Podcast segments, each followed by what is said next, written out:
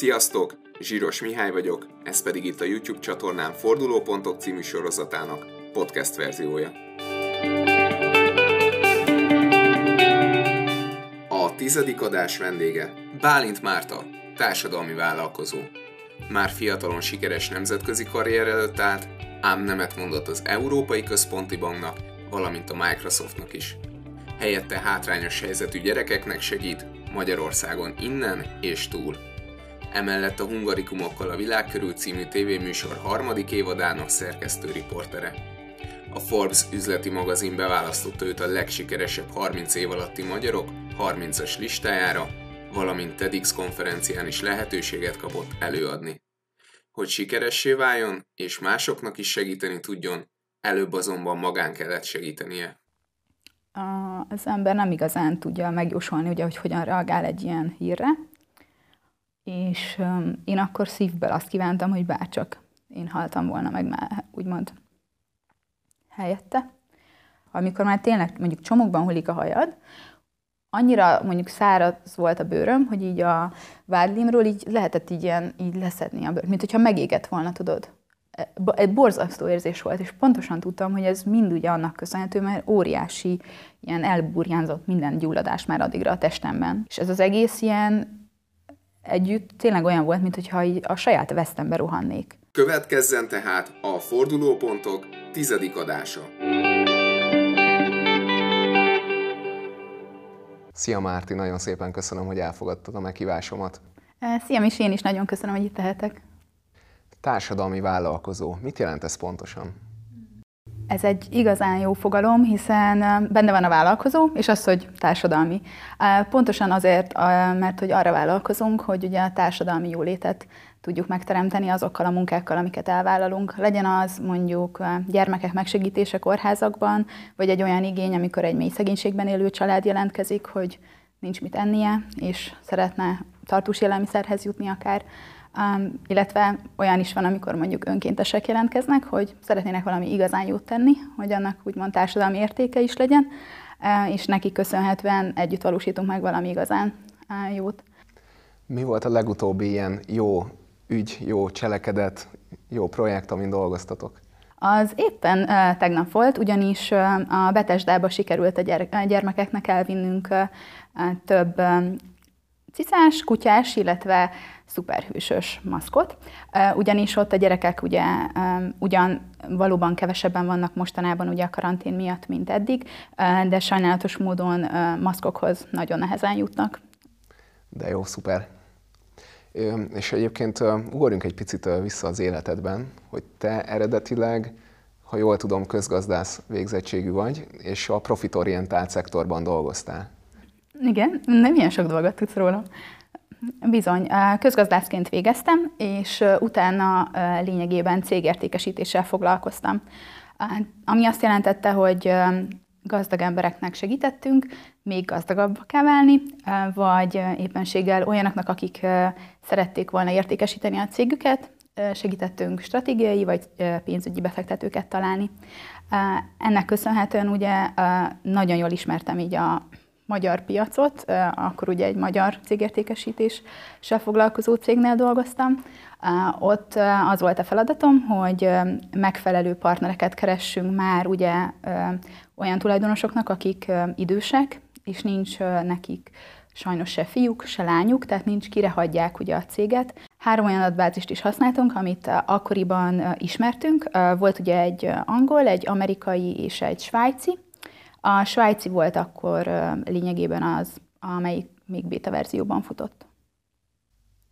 És te nagyon hamar el is jutottál egy svájci cégnek, a, a, ha jól tudom, az igazgatói pozíciójáig. Igen, ez a történet egy kicsit igen, kacifántos, ugyanis az a, az előbb említett svájci adatbázis, amivel dolgoztam, ugye tényleg beta verzióban futott, tehát az egyik legkezelhetetlenebb oldal volt az összes közül, a három közül ugye, ami rendelkezésünkre állt, mint cégértékesítésben dolgozó tanácsadóknak.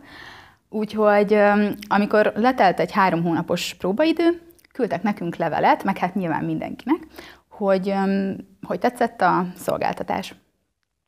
Hát Én meg ugye éppen volt időm, és ültem az irodában, hogy hát, hogyha már valaki tényleg megkérdezte, hogy hogy tetszett a szolgáltatás, akkor én, én tényleg leírom.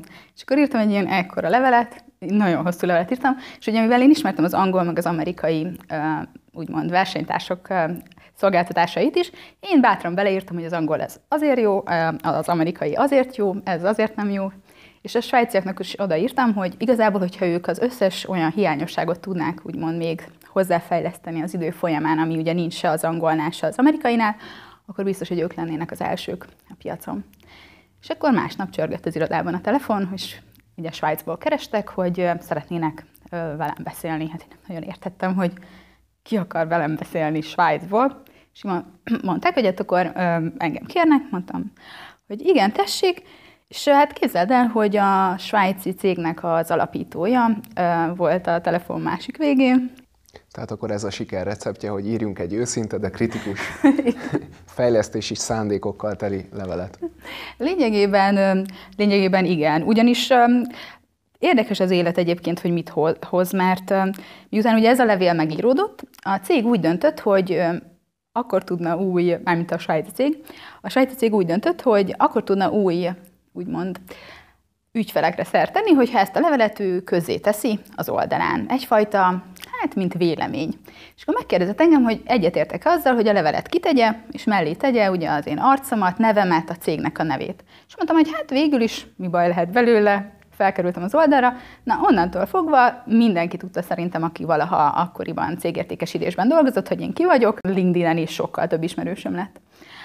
Miután oda felkerültünk, adódott az, hogy a cégünk, a magyar cég, ahol dolgoztam, éppen egy konferenciát szervezett, és kellett még pár marketing ötlet, hogy hogyan lehetne mondjuk több konferencia résztvevőt úgymond szerezni.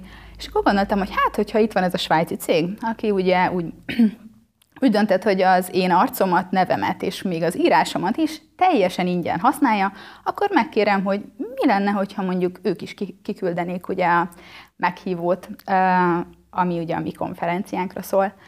És képzeld el, hogy a svájci cégnek az alapítója igazából a telefonhívásom alkalmával nem tudott mit mondani, azt mondta, hogy hát ebben teljesen igaza, igazam van, én egy, te, egy forintot nem kértem azért, hogy ők reklámozzák ugye az én uh, írásomat, úgyhogy természetesen a 40 ezres adatbázisukba kiküldik a levelet. És így lettünk igazából szakmai kapcsolatban is utána. Wow. Viszont, hogyha jól tudom, akkor nagyon hamar fel is mondtál ennél a cégnél, ráadásul más nemzetközi lehetőségekre is nemet mondtál. Um, igen, hát ugyanis azután, hogy ez a bizonyos konferencia akkor ott a magyar cégértékesítéssel foglalkozó cégnél megtörtént, akkor tudtunk ugye először személyesen találkozni. Ők lényegében az álom munkát ajánlották fel nekem akkor. Az akkor énemnek az az álom kategória volt. Azt vettem észre az, az idő alatt, amellett, hogy beutaztam a világot, amellett, hogy olyan emberekkel találkozhattam, akikkel nem gondoltam volna, hogy valaha találkozok, például a Rockefeller család az mindig hivatalos volt a különböző cégértékesítési konferenciánkra, amit ugye Amerikában a New Yorki partnerrel rendeztünk. Um, ennek ellenére mindig hiányoltam valami valamit. Ugyanis ott ugye nem arra az oldalra volt szükség sosem, ahol mondjuk kedves vagy, meg odafigyelsz másokra, hanem ott inkább mindig a számok, azt, hogy azt néztük, hogy ki hogyan mm, úgymond gazdagodik meg, hogyan tudunk neki olyan úgymond cégeket találni, hogy ugye az a portfóliójába beleilleszkedjen, és valahol az egésznek úgy éreztem, hogy nem volt lelke. Innen egyenes út vezetett a társadalmi vállalkozás felé már, vagy itt még, még voltak ilyen kanyarok? Uh, innen igazából hát eldöntöttem, hogy vége, mármint én nem akarok velük többet együtt dolgozni. Ugye menet közben én nagyon sokat önkénteskedtem, rengeteg helyen. A lényegében bárhová utaztam a világban, én mindig kerestem lehetőséget arra, hogy kicsit önmagam lehessek, és ne csak a svájci cég igazgatója, mondjuk egy konferencián, vagy amikor előadunk, vagy prezentálunk, vagy akármilyen tárgyaláson ülünk. Úgyhogy ezeknek az önkénteskedéseknek köszönhetően láttam azt, hogy mennyire, mennyire más világ az ugye, ahol, ahol nincsen meg minden, mert ugye a konferenciákon mindenkinek mindig meg volt mindene. Amikor alapítványoknál voltam, ott meg ugye ott mindig valahogy így a jelenről volt szó, arról ugye, hogy örülünk annak, amink van, és ez egyszerűen sokkal közelebb állt hozzá, mint, mint ugye az a világ. Úgyhogy amikor ezek az események így megtörténtek, már úgy álltam fel onnan, hogy tudtam, hogy azzal fogok foglalkozni, hogy összekötöm azokat, akik rászorulók, vagy bármilyen speciális szükségletben szenvednek, azokkal, akik segíteni akarnak, mert tudtam, hogy van a másik oldalon is nagyon sok olyan, aki szintén segíteni szeretne. Eltelt néhány év, és most azt, azt olvasom, hogy már kilenc országban működtök. Igen, igen, én ennek hihetetlenül örülök, hiszen úgy indult ez az egész, hogy nem használtunk hozzá semmilyen marketinget. Úgy értem, hogy nem fizettünk azért, hogy ugye bárhol úgymond reklámozzuk azt, amit csinálunk, hanem mások, akik mondjuk részt vettek akár önkéntesként, vagy adományoztak, így szájhagyomány útján átadták másoknak is, és olyan emberek jöttek, kerestek meg minket, akikre hát én nem is gondoltam volna. És te fiatalon nem féltél egy ilyen utat választani, egy ilyen vállalkozásba belekezdeni? Mm, nem. Azt gondolom, félelem, félelem nem volt bennem, inkább izgatottság volt. Meg rengeteg kíváncsiság, hogy vajon ez hogy fog sikerülni. És talán azért nem féltem, mert előtte szerintem sokkal jobban féltem, hogy mi történik velem a svájciaknál, hogy hogy ezt én hogy tudom elviselni, mármint úgy egyébként lelkileg, meg hogy ennek nem lesznek el egyszer majd fizikai tünetei, hogy egy olyan munkát végzek, amit egyáltalán nem tudok, nem tudok mellé, mellé állni, mint ember, tehát hogy a személyiségemet nem is tükrözi az, amit csinálok. Amikor elkezdtem olvasni, videókat nézni veled, akkor nekem egy, egy fiatal, nagyon sikeres, magabiztos, határozott nőképe tárult elém. Viszont amikor utána telefonon beszéltünk, akkor említetted, hogy azért, hát mondjuk így, hogy történt egy-két fordulópont az életedben. Megosztod, hogy mi, mi, mi történt pontosan? Mm. Két éve um, tragikus hirtelenséggel elveszítettük az unokatestvérünket, akkor töltötte a 30. életévét. Közte és köztem összesen egy év volt, egymás mellett nőttünk fel, és hát mondjuk azt, hogy az a, hát az a pillanat nem egy, mai napig nem egy olyan pillanat, amire szívesen emlékszek. Minden esetre be kell vallanom, hogy akkoriban nem, nem hittem volna, hogy úgymond olyan változások mennek végbe ennek köszönhetően, mint amik egyébként azóta végbe mentek. Pont abban az időszakban történt egyébként ez a sajnálatos dolog, amikor mi az afrikai missziónkra készültünk. Ott ugye öt afrikai országban vártak minket, vittünk ugye adományokat is, meg, meg előre már le volt beszélve minden, és bemondom őszintén, nekem minden, hát az életkedvem is elment abban a pillanatban, és onnantól fogva én nem igazán foglalkoztam semmivel, nem ettem rendesen, nem ittam rendesen, bezárkóztam a szobámba, és így, hát így minden lógott a levegőben. Me, meg hát az sem utolsó, ugye, hogy az ember nem igazán tudja megjósolni, ugye, hogy hogyan reagál egy ilyen hírre, és én akkor szívből azt kívántam, hogy bárcsak én haltam volna meg már, úgymond helyette, mm, mert iszonyú igazságtalanak éreztem az életet, hogy ez miért is történik meg, úgy egyáltalán, egy ennyire fiatal lányjal. És ahelyett ugye, hogy úgymond a gyászt azt jól éltem volna meg, vagy legalábbis megéltem volna egyáltalán, ahelyett inkább azt választottam, hogy még mielőtt mélyebb depresszióba esek, inkább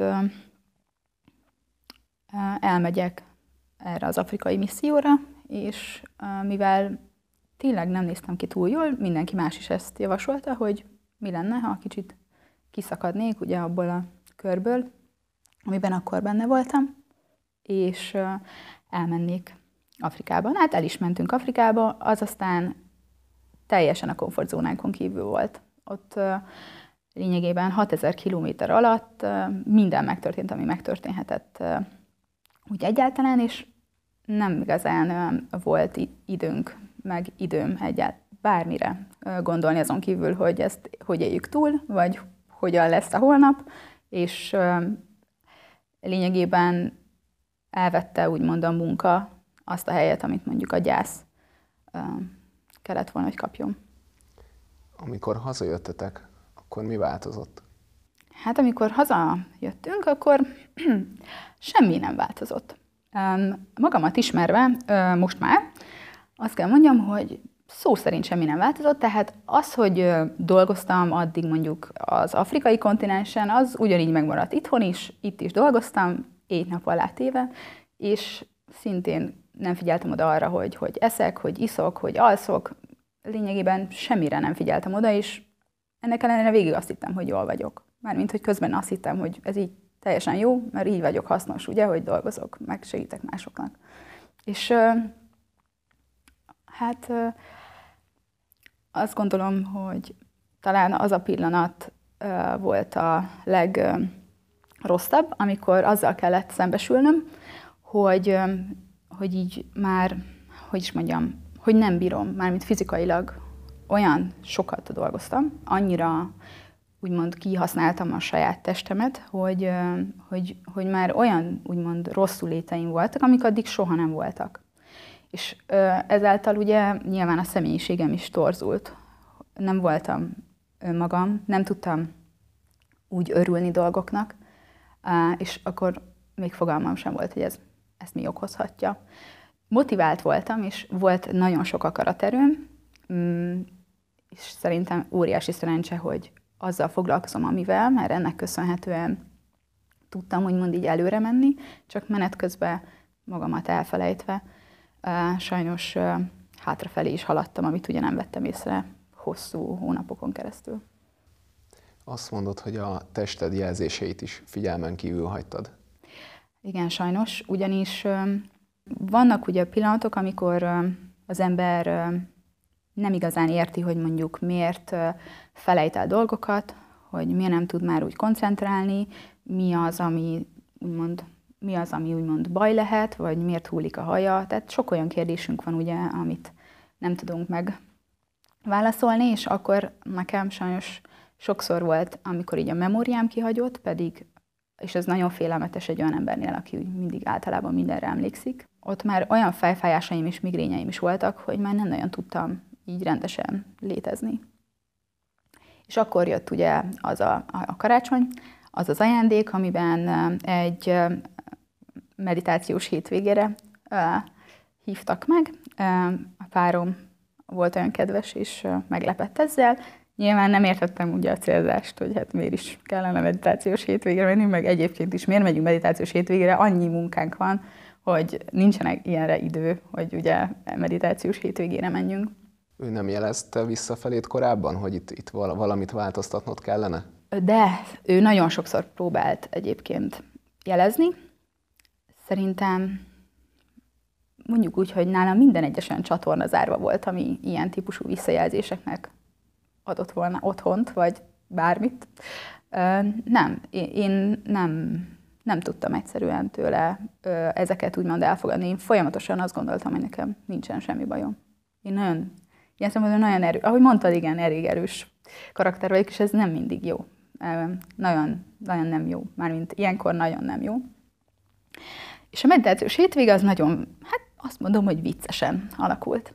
Mert hogy a meditációs hétvégén nem voltunk sokan, és úgymond 15 percenként kellett meditálni, ö, aztán 5 perc szünet, és abban az 5 percben körbe mentünk, és mindenki elmondta, hogy a 15 perc alatt... Kivel mi történt? Hogy éltem meg? Így van. Nos hát én szerintem az első nap, az első ilyen 10-12 óra meditáció után én egyszer sem mondtam semmit, ugyanis én az alatt, az idő alatt előre megoldottam a következő két hétre mindent. Addig szórakoztattam ezzel magamat, míg annyira ki nem merültem, hogy nem volt semmilyen gondolatom. Mert ugye a meditációnak az lenne a lényeg, hogy ne legyen semmi gondolatod, de hát nekem olyanom nem volt, hogy, hogy semmilyen gondolatom nem volt, nekem folyamatosan gondolataim voltak lényegében.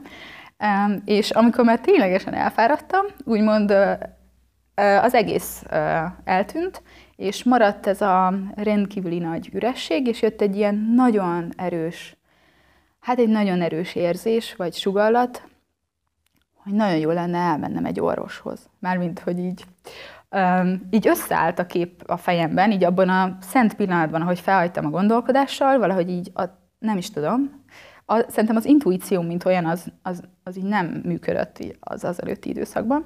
Akkor viszont nagyon működött, és így egyszerre így megértette velem, hogy amit én az elmúlt 8-9 hónapban tettem magammal, annak vannak következményei.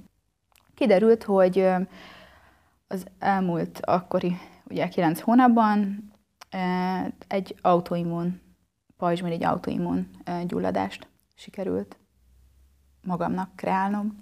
És azért mondom úgy, hogy magamnak kreálnom, mert teljesen biztos vagyok benne, hogy ezt,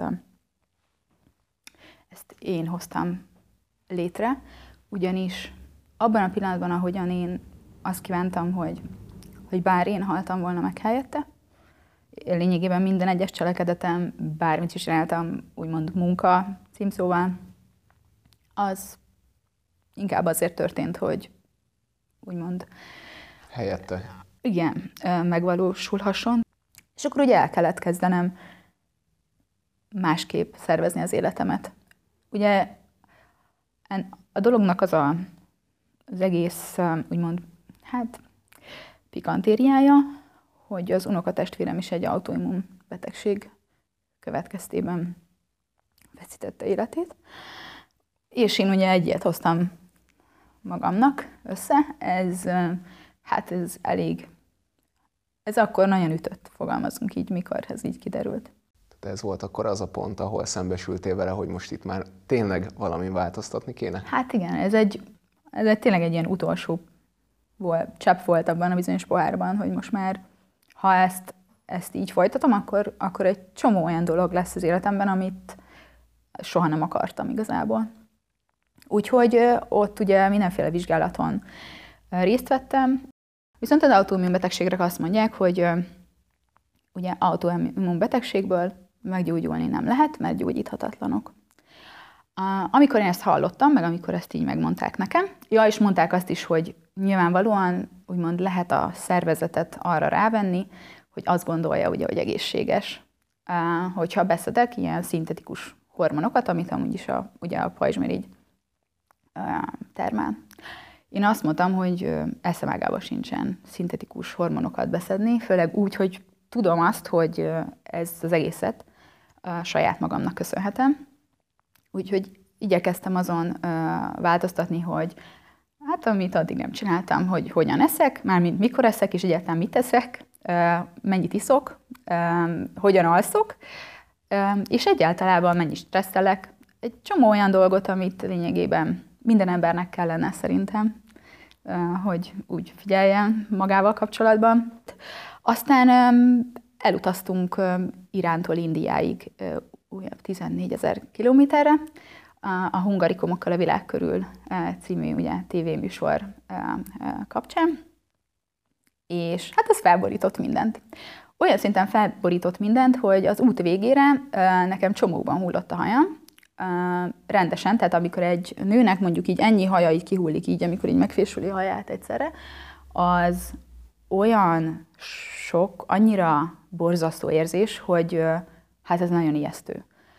Nagyon egy picit ugorjunk már vissza, hogy azt mondod, hogy hiszed azt, hogy magadnak csináltad ezt. Igen. Hittél abban is, hogy ezt magadnak helyre tudod állítani?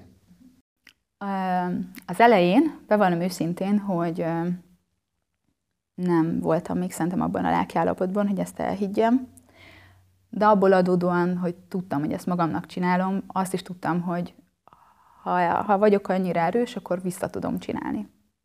Viszont az elején az még, hát az elején még nem voltam annyi erő, annyira erős. Látod, az kellett hozzá, hogy annyira erős legyek, hogy így igazán változtassak, hogy már nagyon-nagyon mélyen legyek. Amikor már tényleg mondjuk csomókban hullik a hajad, annyira mondjuk száraz volt a bőröm, hogy így a vádlimról így lehetett így ilyen így leszedni a bőr, mint hogyha megégett volna, tudod. egy borzasztó érzés volt, és pontosan tudtam, hogy ez mind ugye annak köszönhető, mert óriási, ilyen elburjánzott minden gyulladás már addigra a testemben. Um, emellett a legrosszabb igazából, ami meg nagyon ijesztő uh, volt, hogy az ember egyáltalán ilyet is tud csinálni, hogy így a, ebben a két ujjamban így nem éreztem így tapintást. Annyira megviselt ez, ez, a, ez a tudat, hogy már ott tartok, tehát hogy ennyire rossz az egész odabent, és én meg idekint úgymond nem, hogy segítenék magamnak, hanem még elmegyek Irántól Indiáig, hát haragudtam rendesen. Ez, ez sem segített nyilván, hogy közben haragudtam magamra, mert még ezen is stresszeltem. Úgyhogy amikor hazajöttünk a, abból, az útból ö, egészségesen, úgymond mindenki egybe volt ö, ki, külsőleg. De amikor te ott voltál kint, és jelentkeztek ezek a tünetek, és ott vagy egy hosszabb forgatás közepén egy idegen országban, akkor te ott ezzel mit tudtál kezdeni, vagy e, e, ilyenkor mi volt benned? Uh, elsőre az volt bennem, hogy én nem tudom, hogy ezt hogy fogom egyáltalán így végigcsinálni. Hogy, hogy, hogy tudok bármilyen feladatot elvégezni, hogyha ekkor annyira stresszeltem, tehát annyira rosszul éreztem magamat ettől, hogy mi történik velem, hogy nem tudtam, hogy hogy lesz, tehát hogy, hogy lesz egyáltalán így az út. Kibírom-e végig? Ráadásul kaptam egy hasmenést, egy olyan hasmenést, amit hetekig tartott az út alatt. És ez az egész ilyen együtt tényleg olyan volt, mintha a saját vesztembe rohannék. Itt mesélted is, hogy egyszer már voltál egy hasonló helyzetben, hogy elutaztál Afrikába, a munkába menekültél. Igen. Ezt, ö, nehéz félre, de hogy ezt miért csináltad még egyszer? Hát ez egy jó kérdés. Az, szerintem azt gondoltam, akkor azt gondoltam, hogy, hogy ugye volt a meditációs hétvég és az utazás között, már mielőtt elindultunk, volt egy fél év. És azt gondoltam, hogy fél év alatt öm, hogy én el, eljutottam a, arra az úgymond a lelki érettségre, fogalmazunk így, hogy addigra elég érett voltam, hogy ezt tudjam kezelni. A kollégáid ebből mit érzékeltek? Vagy ők, ők nem szóltak neked, hogy most egy picit álljál meg? Um, hát én nagyon jól tudom titkolni, hogyha nekem valami fáj, vagy valami bajom van, úgyhogy ők, ők jóformán nem igazán vettek ebből az, egészből észre semmit. Egy része a csapatnak tudta, másik része nem tudta. De alapvetően nem akartam erről így beszélni. Mi történt utána, amikor hazajöttetek? Hát amikor hazajöttünk, akkor egyrészt örültünk szerintem, hogy túléltük. Én, én nagyon megfogadtam onnantól kezdve minden egyes tanácsot. Kaptam egy ilyen nagyon szigorú étrendet, ami olyan étrend, ami kizárólag úgymond a pajzsmirigy, mint szervünket támogatja. És hát ez az étrend, az azt jelentette az én életemben, aki ugye 12 órát dolgozott addig, és nagyjából este is csak azon gondolkodott, hogy mit kell csinálni ugye holnap, hogy ötször kellett enni, és mellette még mondjuk nyolc különböző dolgot kellett csinálni. Ilyen vitamint szedni, olyan nem tudom milyen valamit szedni, ilyen teát inni, ami a jó a pajzsmirigyre, és ja, és akkor még meditálni, és akkor még ilyen terápiára eljárni. Szóval mondjuk úgy, hogy egy csomó olyan dolog volt, és ugye ezeknek a kajáknak a megfőzése, mondjuk úgy, hogy nekem nem volt úgymond így gyakorlatom, hogy mondjuk ilyen kajákat főzzek. Úgyhogy mire egyáltalán megtanultam, hogy ezeket a kajákat hogy kell elkészíteni, addigra, hát ezért eltelt egy hónap. Nem tudtam elfogadni azt, hogy nem, hát hogy nem vagyok szuperhős, és hogy nem tudok mindent megcsinálni. Um, és ahhoz, hogy ezt megcsináljam, tehát ahhoz, hogy én ténylegesen meggyógyuljak, ergo tartsam ezt a diétát, plusz még mellette be tudjak iktatni olyan dolgokat, amiket az előbb felsoroltam, ahhoz nyilván nem kell annyi kérésre úgymond igent mondanunk, hanem sokkal kevesebbet kell vállalni, hogy így ezek a dolgok beleférjenek. Úgyhogy ez egy ilyen nagyon erős tanulópénz volt azt írod a weboldaladon, hogy ti másoknak segítetek, hogy jól érezzék magukat. Uh-huh. Neked volt, aki segítette ezen az úton? Um, igen. Um, elsősorban ugye a párom, illetve uh, a családom. Um, ők mindenben támogattak. Um, és igazából én elég ilyen, hát makacs ember vagyok, meg ugye önfejű, mint láthatod. Um, úgyhogy uh, azt kell, hogy mondjam, hogy én nagyon, nagyon szerencsés vagyok, hogy a párom ezeket tudja kezelni, és a lelkemre tudhatni, még akkor is, amikor feljel vagyok a falnak.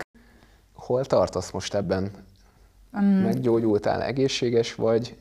Kell mm. még tartanod a diétát? Um, hát képzeld el, Misi, hogy, um, hogy teljesen tünetmentes vagyok, és az összes eredményem kiváló. És ugye az azt jelenti, hogy eltelt azóta lényegében olyan 7-8 hónap, és március, márciusban voltam ugye orvosnál, és most már így nyoma sincs az autoimmun wow. gyulladásnak a testemben. Ezért megtiszteltem saját magamat azzal, hogy nem kezdtem el újra mindenféle olyat tenni, ami gyulladáskeltő, hanem maradtam ugye a gyulladás csökkentő ételeknél, és továbbra is én főzök, látom, hogy mit eszek, mindig megnézem, hogy miket veszek, és próbálom ezt az egészséges állapotot megtartani. Megoszthatok veled egy, egy, egy gondolatot? Ezt telefonban meg, bevallom őszintén, hogy nem mertem. Na igen. Nem akartam az interjú előtt, hogy csináltam egy, egy másik beszélgetést valakivel előtted, és, és tőle hallottam ezt a megfogalmazást, hogy miért nem működik a gyógyítás. Mert hogy valójában nem meggyógyítod magadat, hanem abba hagyod a betegségcsinálást. És ez nekem annyira... Aha, jó. Igen, ezt én annyira, annyira, igen, erre csak igen tudok mondani, ez pontosan így van. Tehát, hogyha erre rájöttél, akkor utána miket, miket gondolsz, meg miket érzel. Mert nekem valahol az az érzés van bennem, hogy azáltal, hogy én ezt, hogy én ezt tudom, hogy én ezt az utat megjártam, hogy látom az eredményét, és látom azt, hogy mondjuk a barátaim, a családom, a szeretteim, hogy ők hogyan élnek, mit csinálnak magukkal.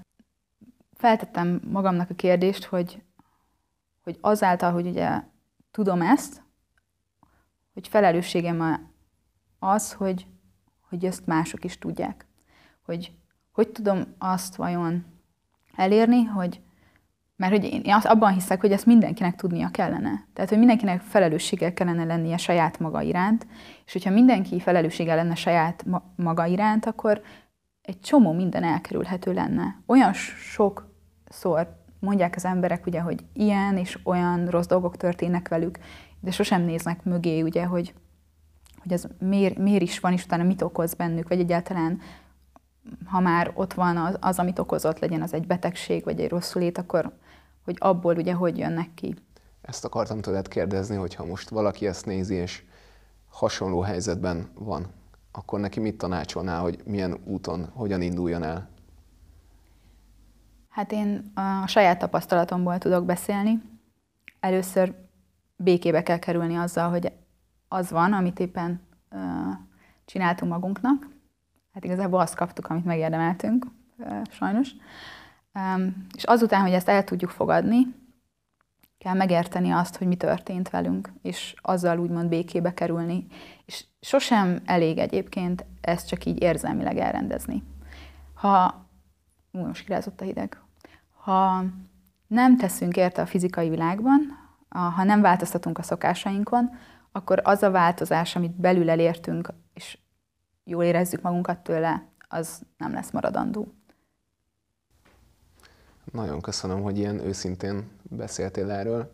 Még így egy ilyen utolsó utáni kérdésem lenne, hogy hol láthatunk téged legközelebb, vagy mi a következő projekt? Igazság szerint um, nyilván a saját példámból adódóan, illetve abból adódóan, hogy nagyon sokan keresnek meg ugye úgy minket, hogy lelki segítséget kérnek, vagy mondjuk úgy minket, hogy valamilyen betegségük van, és ahhoz keresnek segítséget, vagy akár orvost.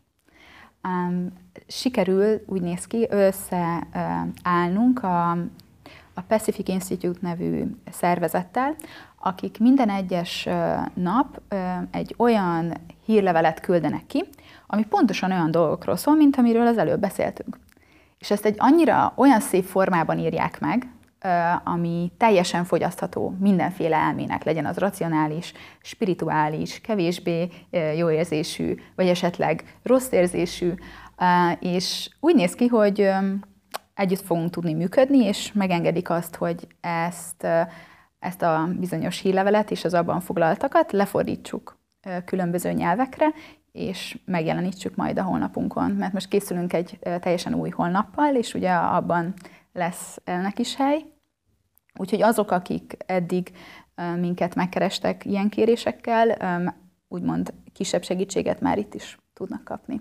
Akkor én ehhez szívből kívánok nagyon sok sikert. Köszönöm szépen. Köszönöm szépen még egyszer, hogy itt voltál.